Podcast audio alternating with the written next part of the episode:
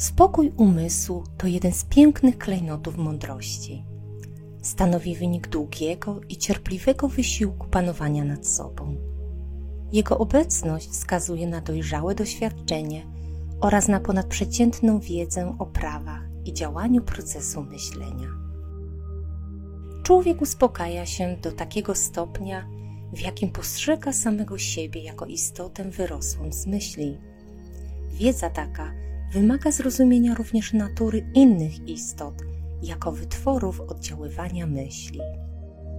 Gdy ktoś zaczyna prawdziwie rozumieć i widzi coraz wyraźniej wewnętrzne relacje, jakie zachodzą między rzeczami poprzez działanie przyczyny i skutku, przestaje wpadać w panikę, wściekać się, martwić i smucić.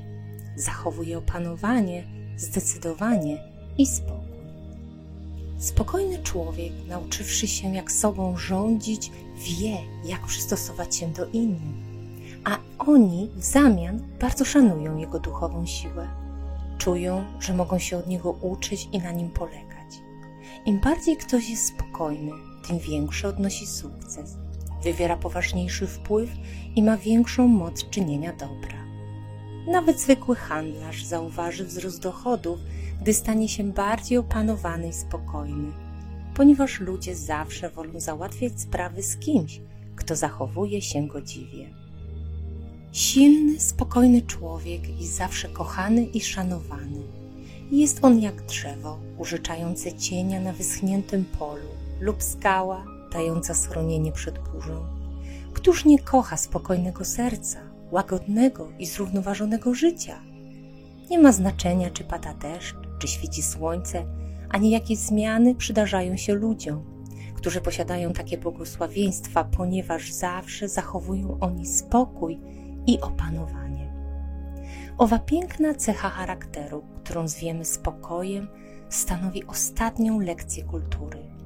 Jest ona rozkwitem życia, owocowaniem duszy. Jest tak cenna jak mądrość, bardziej pożądana od szczerego złota. Jakże niewiele znaczy pogoń za pieniądzem w porównaniu ze spokojnym życiem. Życiem zanurzonym w oceanie prawdy, płynącym poniżej wzburzonych fal, poza zasięgiem burz, wiecznym spokoju. Iluż znamy ludzi, którzy napełniają swoje życie goryczą, którzy wybuchami gniewu obracają w ruinę wszystko, co dobre i piękne, zaburzają równowagę swojego charakteru i psują sobie krew. Można zapytać, czy nie dotyczy to większości osób, które rujnują swoje życie i psują własne szczęściem brakiem samokontroli.